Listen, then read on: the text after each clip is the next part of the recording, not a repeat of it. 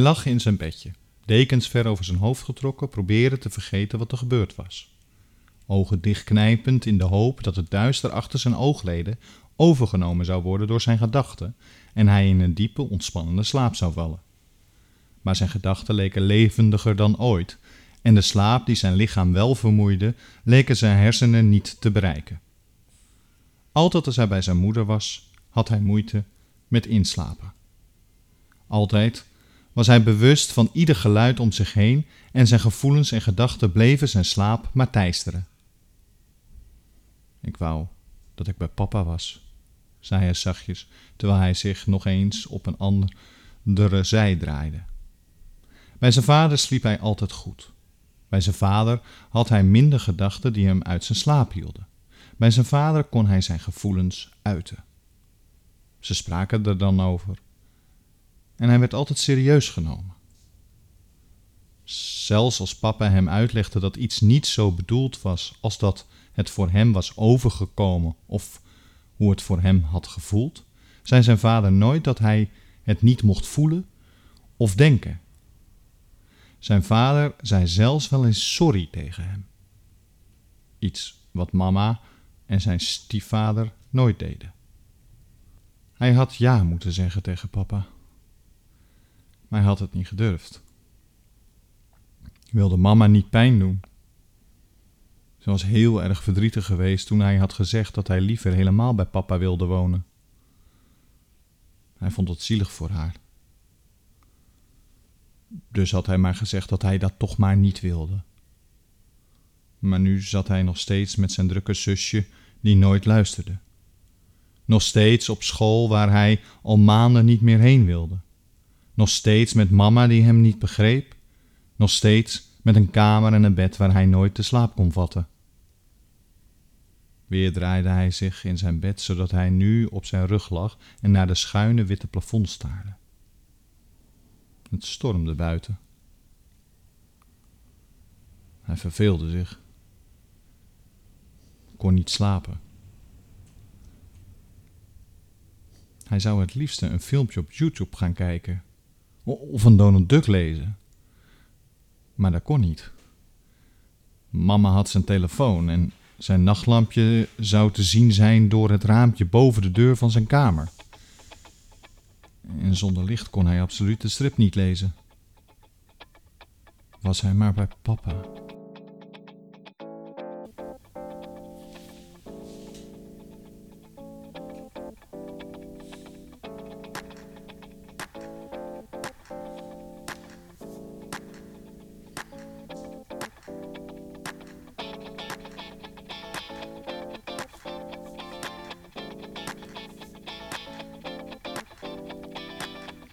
Hallo, ik ben Bastiaan Toornen en dit is De Schuldenaar.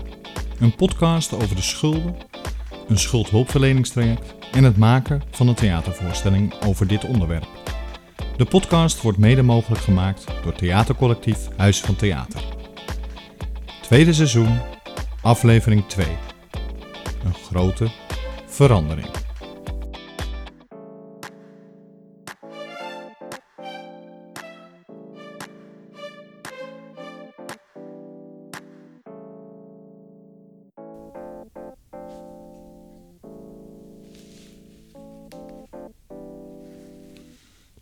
Was verschrikkelijk geweest. Hij had het liefst meteen naar huis gegaan, maar dat kon niet. Zijn stiefvader vond dat hij zich aanstelde. Mama zei ook steeds dat het ook aan hem lag, maar nu had hij echt niets gedaan. Hij had het papa willen vertellen, maar had hem niet mogen bellen. Mama vond het vervelend als hij iedere dag met papa belde. Papa vond het juist leuk als hij belde als hij de week bij mama was. Papa had hem ook de telefoon gegeven voor zijn verjaardag. Betaalde ook het abonnement. Maar toen hij dat tegen mama had gezegd omdat zij vond dat hij te vaak met papa belde, was ze alleen maar bozer geworden. Zij vond dat zij erover ging. Zij bepaalde of hij wel of niet mocht bellen.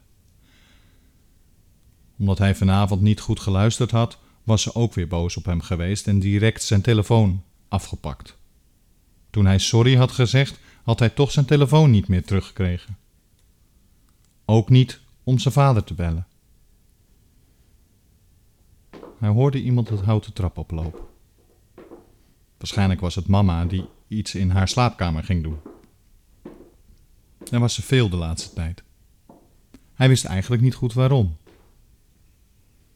Meestal hadden mama en zijn stiefvader s'avonds op de bank gezeten. Lagen ze tegen elkaar aan op de bank naar de tv te kijken. Hij had er wel eens bij mogen zitten als er een leuke film was die hij wel al mocht zien en zijn halfzusje nog niet. Dat waren leuke momenten geweest. Even alleen met mama en zijn stiefvader. Even alleen aandacht zonder zijn zusje, die steeds weer mee moest doen met alles. Toen ze nog echt klein was, had hij het leuk gevonden dat hij een zusje had gekregen, maar nu zij ouder was en ze steeds voorgetrokken werd, was hij helemaal niet meer blij met haar. Door haar had hij altijd het gevoel dat hij eigenlijk niet bij dit gezin hoorde. Bij papa had hij dat gevoel niet. Daar was hij enig kind en deed alles samen met papa. Hij mocht altijd ook meebeslissen, of in ieder geval zijn mening geven over iets. Als papa dan toch iets anders deed, dan kreeg hij wel altijd uitleg van papa waarom er toch voor iets anders was gekozen. Papa nam hem wel serieus. Zeker over school. Hij vond het al heel lang niet leuk meer op school. Hij werd steeds gepest, maar de juf deed er niets aan. Toen het pesten was begonnen, had hij het steeds tegen mama gezegd, maar die vond dat hij niet alles als pesten moest zien. Maar het voelde wel zo.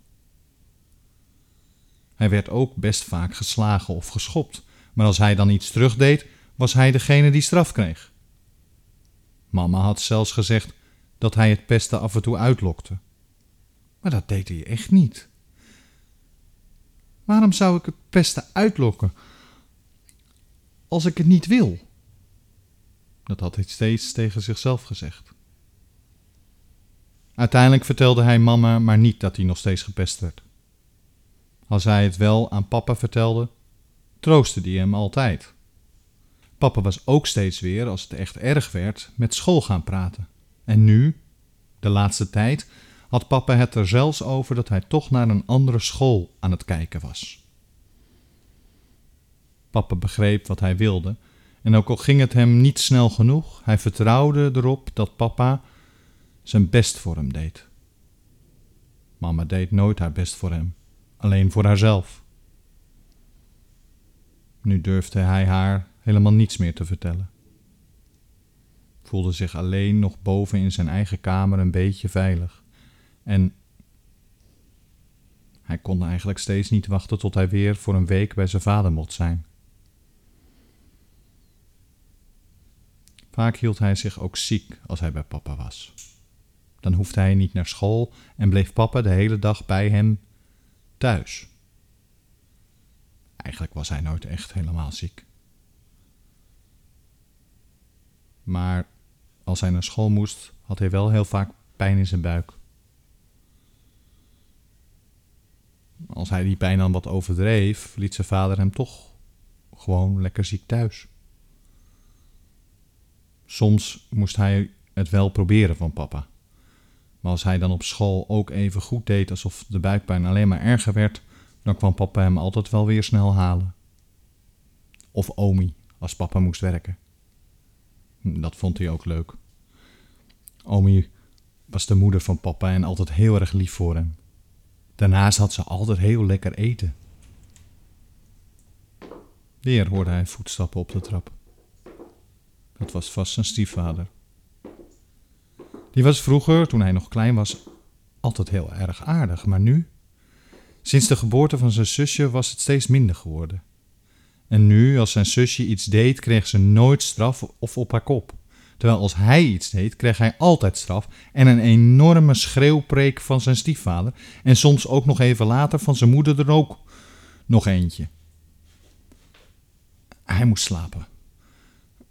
Maar hij voelde zich niet prettig was zijn maar bij papa.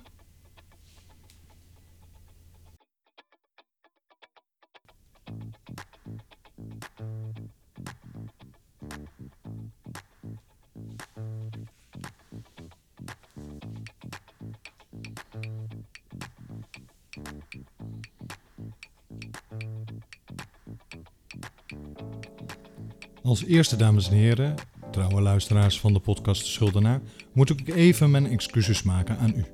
Excuses omdat u zo lang heeft moeten wachten op een nieuwe aflevering. Ik beloof hierbij dan ook dat dat er niet meer zal gebeuren. En ik zal proberen om voortaan weer om de twee tot drie weken een nieuwe aflevering te maken. Echter is mijn leven nogal veranderd in de afgelopen tijd. Vanaf eind december tot half februari heeft er een totale omslag in mijn leven plaatsgevonden. En alles is daardoor behoorlijk op zijn kop gezet. Ik vind de verandering geweldig. Omstandigheden waardoor het moest niet, maar in feite is het altijd zo geweest dat het dit is wat ik het liefste wilde. Ik wilde het liefste namelijk altijd al mijn zoon volledig bij mij. En dat is nu dan ook de grote verandering. Mijn zoon is volledig bij mij komen wonen. Echter had deze verhuizing en de situaties daarvoor die leidden tot de verhuizing net iets meer voeten in de aarde dan je van tevoren zou denken. Mijn leven was namelijk zo ingedeeld dat mijn zoon de ene week wel en de andere week niet bij me zou zijn. Vaak heb ik gezegd, ook in deze podcast, dat ik de ene week met het schompers werkte om te zorgen dat ik de andere week, wanneer mijn zoon bij me was, vrij zou zijn. Dit ritme is echter niet vol te houden als je je zoon altijd bij je hebt. Nu is hij heel erg zelfstandig, maar het is ook nog maar een jongetje van tien die de laatste tijd heel veel op zijn bordje heeft gehad. Overdag, een uurtje of twee alleen, is nog niet zo'n probleem, maar s'avonds doe ik dat toch liever niet. Dus moest er nodig wat gebeuren aan werktijden, oppas en zijn school.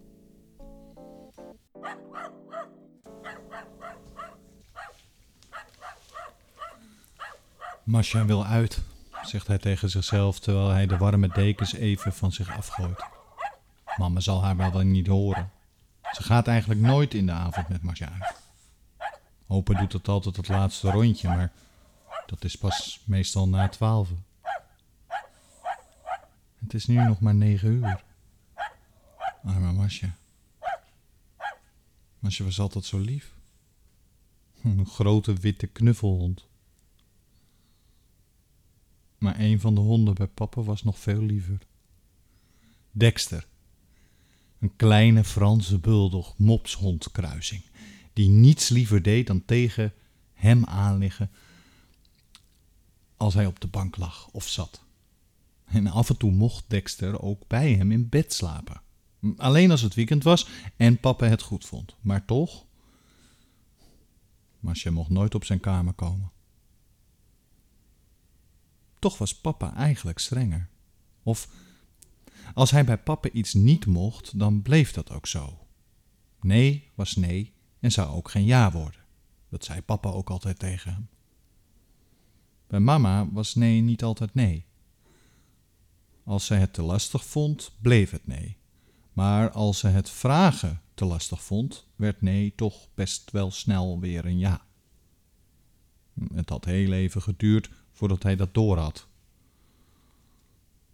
Het verschil bij papa thuis of bij mama thuis was na de jaren steeds groter geworden.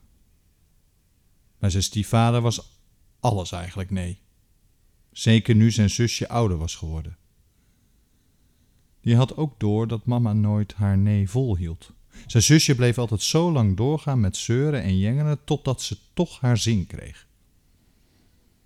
Eerst had hij dat eigenlijk wel handig gevonden. Zijn zusje zeurde om iets wat hij ook wilde en kreeg het dan voor elkaar zodat hij het ook had. Als het zeuren toch niet hielp, kreeg hij tenminste niet op zijn kop over het zeuren. Maar nu zeurde zijn zusje ook dat ze ook op zijn telefoon een filmpje wilde kijken. En dan moest hij ineens zijn telefoon delen met zijn zusje van mama. Maar het was zijn telefoon, niet die van zijn zusje of die van mama. Maar hij moest meestal zijn speelgoed delen met zijn zusje. Dat was al vrij lang zo. Zelfs als ze het stuk maakte, moest hij nog steeds dingen blijven delen. En zij had nooit iets moeten kopen voor hem als ze iets stuk had gemaakt. En hij wilde niet met haar speelgoed spelen, want dat was te meisjes en te kinderachtig. Mama en Michel praten wel heel erg hard. Zou hij er naartoe gaan om er wat van te zeggen? Zeggen dat hij door hun gepraat niet kan slapen? Maar dat is eigenlijk niet waar. Bovendien wordt hij dan toch weer gelijk naar bed gestuurd. Waarom kon hij toch zo moeilijk in slaap komen? Waarom voelde hij zich toch zo onprettig? Mama had het mooiste en het grootste huis en toch vond hij het huis van papa prettiger. Bij mama had hij meer speelgoed en een grotere tuin, betere televisie en zelfs een Nintendo DS en toch wilde hij liever bij papa zijn. Daar speelden ze samen spelletjes. Had hij twee lieve honden, kreeg aandacht en werd er naar hem geluisterd. Ze speelden ook af en toe een poppenshow. Hij had de poppenkast al jaren en kon eigenlijk niet meer herinneren wanneer hij hem had gekregen. Maar altijd hadden zijn vader en hij af en toe ermee gespeeld. Zelfs nu nog vond hij dat leuk om te doen. Hij werd wel een tiener, maar een poppenshow met papa. En, en natuurlijk filmpjes maken met papa. Zou hij toch zeggen tegen mama dat hij nog meer en vaker bij papa wilde zijn? Nee. Dan werd ze weer verdrietig. De vorige keer had ze ook gezegd dat ze dan nooit meer leuke dingen zouden doen samen. We zouden dan nooit meer naar de bioscoop gaan. Hij begreep dat niet. Waarom zou ze nooit meer leuke dingen met hem doen? Was ze dan boos op hem? Mama zei altijd dat hij moest zeggen wat hij wilde, maar als hij dat dan deed, dan werd ze vaak boos. Papa werd ook wel eens boos. Heel erg boos zelfs. Hij schreeuwde dan ook wel eens. Maar meestal was dat als hij echt brutaal was geweest tegen papa. Of iets had gedaan wat echt niet mocht.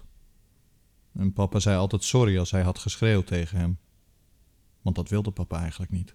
Papa wilde niet schreeuwen tegen hem. Nu moet ik toch echt gaan slapen, zei hij tegen zichzelf terwijl hij zich weer op zijn zij draaide en zijn knuffels goed vastpakte. Zijn ogen kneep hij toch nog maar even sterker dicht in de hoop dat dat zou werken. Maar de stemmen op de achtergrond werden steeds harder en harder.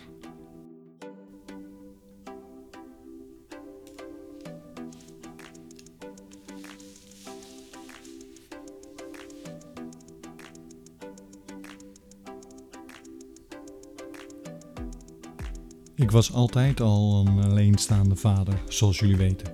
Maar nu ben ik dus een eenoudergezin en daar komt toch wel wat meer bij kijken. Zelfs meer dan ik zelf van tevoren verwacht had.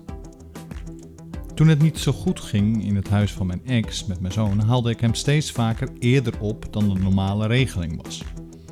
Daarbij gebeurden er steeds dingen op school waardoor hij ook nog meer bij me was, omdat hij duidelijk aangaf bij mij thuis wel tot rust te kunnen komen. Vaak was hij zo van slag dat hij zelfs niet alleen in zijn eigen bed wilde slapen. Hij sliep meestal in mijn bed omdat ik dan dicht bij hem was en hij zich veilig voelde. Hoewel ik dit niet erg vond, zorgt het er wel voor dat je zelf als ouder minder goed slaapt. Zeker als je kind ook nog wel eens s'nachts huilend wakker wordt van een nachtmerrie of zijn neus zo verstopt zit dat het regenwoud in één nacht in jouw bed omgezaagd moet worden. Toch is het je kind en daar heb je alles voor over. Het nadeel echter was dat als hij wel naar school moest, dan moest ik hem ochtends vroeg van Zandvoort naar Heergewaard brengen. En midden op de dag of soms s avonds weer ophalen in Heergewaard en naar Zandvoort brengen. Heergewaard ligt in de kop van Noord-Holland. Zandvoort ligt ter hoogte van Amsterdam. Dit maakte dat ik voor mijn werk veelal al anderhalf uur in de auto had gezeten en na mijn werk nog eens anderhalf uur ruim in de auto zat. Toch zag ik vaak de wanhoop in zijn ogen en iedere keer als ik hem huilend aan de telefoon kreeg, maakte ik zonder enige bedenkingen meteen de lange rit om hem weer extra op te halen. Ondertussen heb ik wel bij zijn school aangedrongen op gesprekken, aangezien het duidelijk niet goed ging en ik inmiddels de hoop dat het wel goed zou komen begon te verliezen. Hoewel zijn juf echt stinkend haar best deed, was de sfeer in zijn klas verschrikkelijk. De ruim 31 kinderen konden gewoon niet goed met elkaar overweg en waren daardoor extra druk, gemeen en soms zelfs gewelddadig naar elkaar. Mijn zoon, die slecht tegen drukte kan en ook een enorm rechtsvaardigheidsgevoel heeft, waardoor hij ieder onrecht wat hem of een ander aangedaan wordt zichzelf heel erg aantrekt, voelde zich dus ook met de dag minder veilig. Steeds vaker ging ook zijn schoolwerk eronder lijden. Zo erg zelfs dat de school een test wilde afnemen omdat ze twijfelde aan zijn intelligentie. Maar dat kwam ze duur te staan. Want uit de test, de NCCT-test, bleek dat hij zwaar boven gemiddeld scoorde als hij niet in de klas zat. Als hij in de klas zat, scoorde hij zwaar onder het gemiddelde. Dit betekent dat de klas, de drukte om zich heen, de oorzaak was waardoor hij niet tot zijn leerpotentie kwam.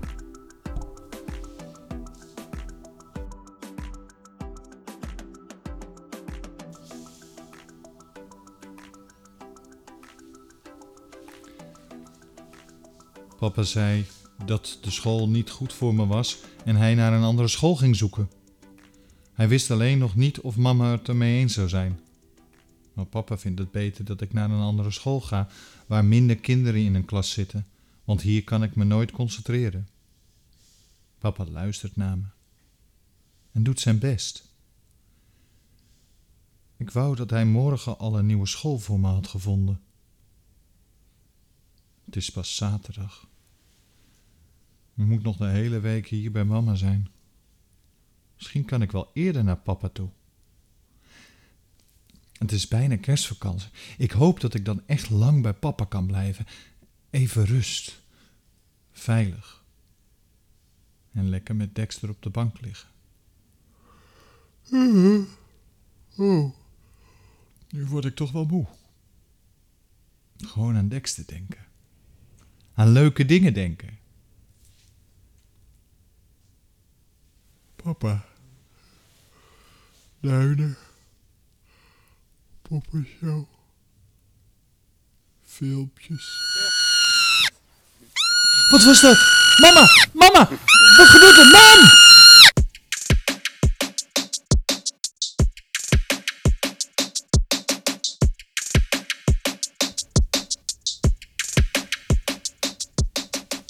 Mijn zoon sprong uit bed waar hij net een beetje weg aan het doezelen was. Hij riep: Wat is er aan de hand?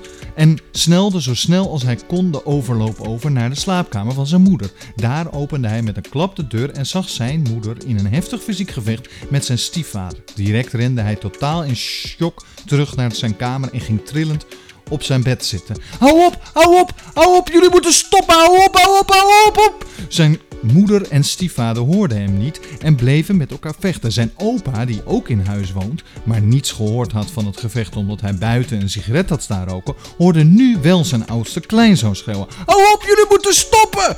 Hij rende naar boven en trof mijn zoon zittend op zijn bed aan met de dekens over zijn heen getrokken en wild trillend over zijn hele lichaam. Hij was duidelijk in shock. Direct is zijn opa dus bij hem gaan zitten en heeft hem getroost en geprobeerd hem te kalmeren. Ondertussen bleven mijn ex-vrouw en haar partner nog steeds met elkaar vechten, totdat opa en mijn zoon toch maar even alleen moest laten en ingreep. De partner van mijn ex vertrok direct uit het huis en mijn ex ging nu eindelijk wel naar mijn zoontje toe, die nog steeds in shock trillend op zijn bedje zat. Al maanden was de relatie tussen haar en haar partner over. En ook ik wist dat, maar ik had het niet met mijn zoon kunnen bespreken omdat mijn ex en haar partner daarmee wilden wachten. Nu kon mijn ex natuurlijk niet doen alsof er niets aan de hand was, aangezien mijn zoon zwaar gechoqueerd op zijn bed zat te huilen. Zij heeft hem in haar armen genomen en is voor het eerst sinds tijden eerlijk tegen mijn zoon geweest. Dit maakte zijn shock alleen maar erger, waardoor ik nog geen vijf minuten later mijn telefoon hoorde gaan. Ik had de hele dag gewerkt En het was inmiddels bijna 10 uur s'avonds, waardoor ik alweer 12 uur erop had zitten. Net toen ik terug naar de standplaats van de taxis wilde rijden, zag ik ineens een telefoontje van mijn zoon. Verbaasd dat hij zo laat nog belde, nam ik met een vrolijke stem op. Even was ik verrast omdat ik de stem van mijn ex te horen kreeg, die direct vroeg of ik Josh zou kunnen komen halen, aangezien hij heel erg overstuur was. Op de achtergrond hoorde ik hem hartverscheurend huilen. Mijn vermoeidheid van de hele dag werken leek te verdwijnen als sneeuw voor de zon en ik draaide direct met taxi de andere kant op, op weg naar het huis van mijn ex. Toen ik mijn zoon even later zelf aan de lijn kreeg, moest ik zelfs bijna een traan wegpinken, aangezien hij zoveel verdriet had en zich absoluut niet veilig meer voelde. Ik heb hem wat rustiger weten te krijgen en drie kwartier later stapte hij om 11 uur bij mij in de taxi op weg naar mijn huis. Met wat gedoe kreeg ik het voor elkaar zodat ik de eerste twee dagen niet hoefde te werken, zodat ik thuis voor hem zou zijn. De rest van de week is hij bij mij gebleven en pas twee weken later ging hij in de kerstvakantie voor het eerst weer even naar zijn moeder.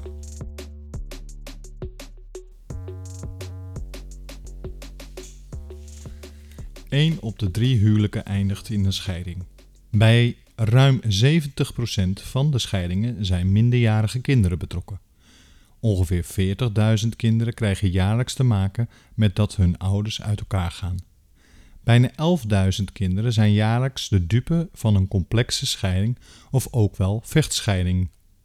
Bijna 5.000 kinderen daarvan krijgt gedurende de vechtscheiding te maken met ingrijpen van de kinderbescherming of jeugdzorg. In 1998 werd de wet veranderd waardoor automatisch beide ouders bij een scheiding gezag houden. In 2006 werd de wet opnieuw aangepast, zodat de rechters voortaan automatisch uitgaan van co-ouderschap. Toch resulteert slechts 27% van de scheidingen ook werkelijk in co-ouderschapsregelingen. Ruim 40% van deze co-ouderschappen wordt echter na enkele jaren alweer opgeheven door de ouders en of kinderen zelf. In 1999 groeide 10% van de kinderen op in een alleenstaand oudergezin. In 2019 is dit aantal gestegen naar 16% van de kinderen die opgroeit in een alleenstaand oudergezin. 9 op de 10 kinderen in een eenoudergezin woont bij de moeder. Ruim 100.000 vaders in Nederland voeden hun kind of kinderen alleen op. Sinds de gebeurtenis praat mijn zoon helemaal niet meer met zijn moeder of haar partner. De eerste week van de kerstvakantie, dat hij weer een paar dagen bij zijn moeder was, waren absoluut geen succes. De spanning in dat huis was om te snijden en mijn zoon liep de hele tijd op zijn tenen omdat hij voortdurend bang was dat zijn moeder en haar partner weer zouden gaan vechten. Na deze dagen heb ik dan ook heel hard ingegrepen en gezegd dat mijn zoon dan maar alleen maar om het weekend naar zijn moeder zou komen. Echter gaf zijn moeder al heel snel aan, voordat hij daar weer een weekend was geweest, dat hij beter ook in de weekenden bij mij kon blijven, omdat de spanning in het huis niet te harde was. Aangezien het toch al niet goed ging op school en ik het niet zag zitten om hem iedere dag van en naar Heergewaard te brengen, heb ik vrij snel een nieuwe school gevonden in Zandvoort zelf. Daar zijn ze heel begripvol over alles wat hij meegemaakt heeft. En proberen we samen met de school alles weer op de rit te krijgen. Dit gaat nog niet vanzelf, omdat ik aan alles kan merken dat mijn zoon echt getraumatiseerd is. Gelukkig kunnen we daar hulp bij krijgen. Echter waar de hulp een stuk minder in was, was mijn werk. Nu heb ik het taxiwerk alleen als bijbaan en voor de schuldhulpverlening.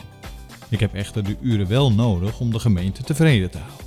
Echter, de uren die ik werkte waren niet te combineren met het alleen opvoeden van mijn zoon.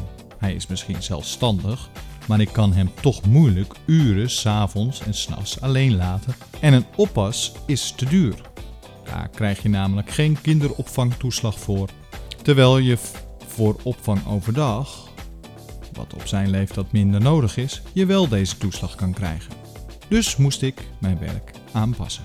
En nu kom ik bij een zeer pijnlijk punt van de zogenaamde geëmancipeerde Nederlandse maatschappij. Want we zijn helemaal niet geëmancipeerd. Toen ik aan mijn werk vroeg of mijn rooster aangepast kon worden wegens de nieuwe situatie, werd er eerst gezegd dat mijn vriendin dan maar thuis moest blijven of ik mijn moeder maar moest vragen. Als eerste woon ik niet samen met mijn vriendin En ten tweede, wat is dat nou voor belachelijks dat mijn vriendin of mijn moeder maar vrij moeten nemen van hun werk omdat ik moet werken? Hoezo niet de man zorgen voor zijn eigen kind? Als ik aangeef als man zijnde dat ik snel naar huis moet omdat mijn zoon ziek is of alleen thuis zit, dan word ik er altijd een beetje vreemd op gekeken. Als een gemiddelde moeder dit zegt, vindt iedereen het gewoon doodnormaal. En het allerergste hierin vind ik nog dat het ook heel veel vrouwen zijn die juist raar reageren op het feit dat ik een eenoudergezin ben en mijn zoon voortaan alleen opvoed. Want dat is het geval. De kinderbijslag staat op mijn naam. Ik krijg de kindertoeslag. En sinds twee weken heeft mijn zoon niet eens meer een kamer bij zijn moeder in huis. Al zijn spullen hebben we op moeten halen, want haar partner vond dat als hij er niet meer woont, hij er ook geen kamer meer hoefde te hebben. Nu wil ik absoluut geen kant kiezen tussen mijn ex en haar partner, aangezien het mijn zaken niet zijn. Ik heb me alleen daar bemoeid waar het ging om de veiligheid van mijn zoon. Maar het feit dat mijn zoon dit gevecht heeft meegemaakt, had nooit mogen gebeuren en dat neem ik hem beide enorm kwalijk. En dat hij na dat alles ook nog eens zijn kamer bij zijn moeder kwijt is, waardoor hij nu helemaal het gevoel heeft dat hij daar niet meer welkom is, neem ik hen ook bijzonder kwalijk. Maar goed, mijn zoon woont dus bij mij en daardoor is de situatie bij mij thuis totaal veranderd. Ik werk sinds kort voor de afdeling school- en gehandicaptenvervoer en hoewel dit me nu uit de brand helpt, is het niet de oplossing. Ik ben namelijk vaak al weg als mijn zoon naar school moet en nog niet terug als hij van school komt. En dat vind ik zelf gewoon niet een heel prettig gevoel. Daarom ben ik weer op zoek naar iets anders om erbij te doen. Mocht u iets weten, voel ik me zeer aanbevolen. Misschien toch iets in de cultuursector of zo. Hmm, iets in een theater? De volgende aflevering zal de schuldenaar weer over het schuldenproces en de voorstelling gaan. En wilt u nu wel meer weten over alleenstaande ouders en met name een eenoudergezinnen? Luister dan binnenkort naar een nieuwe podcast van mij, Alleenstaand. Ook binnenkort te abonneren via uw favoriete podcast app. De Schuldenaar wordt gemaakt door mij, Bastiaan Torenet. De Schuldenaar wordt mede mogelijk gemaakt door theatercollectief Huis van Theater. Wilt u de podcast nu steunen? Schrijf dan een recensie en zeg het voort bij uw familie, vrienden en kennissen.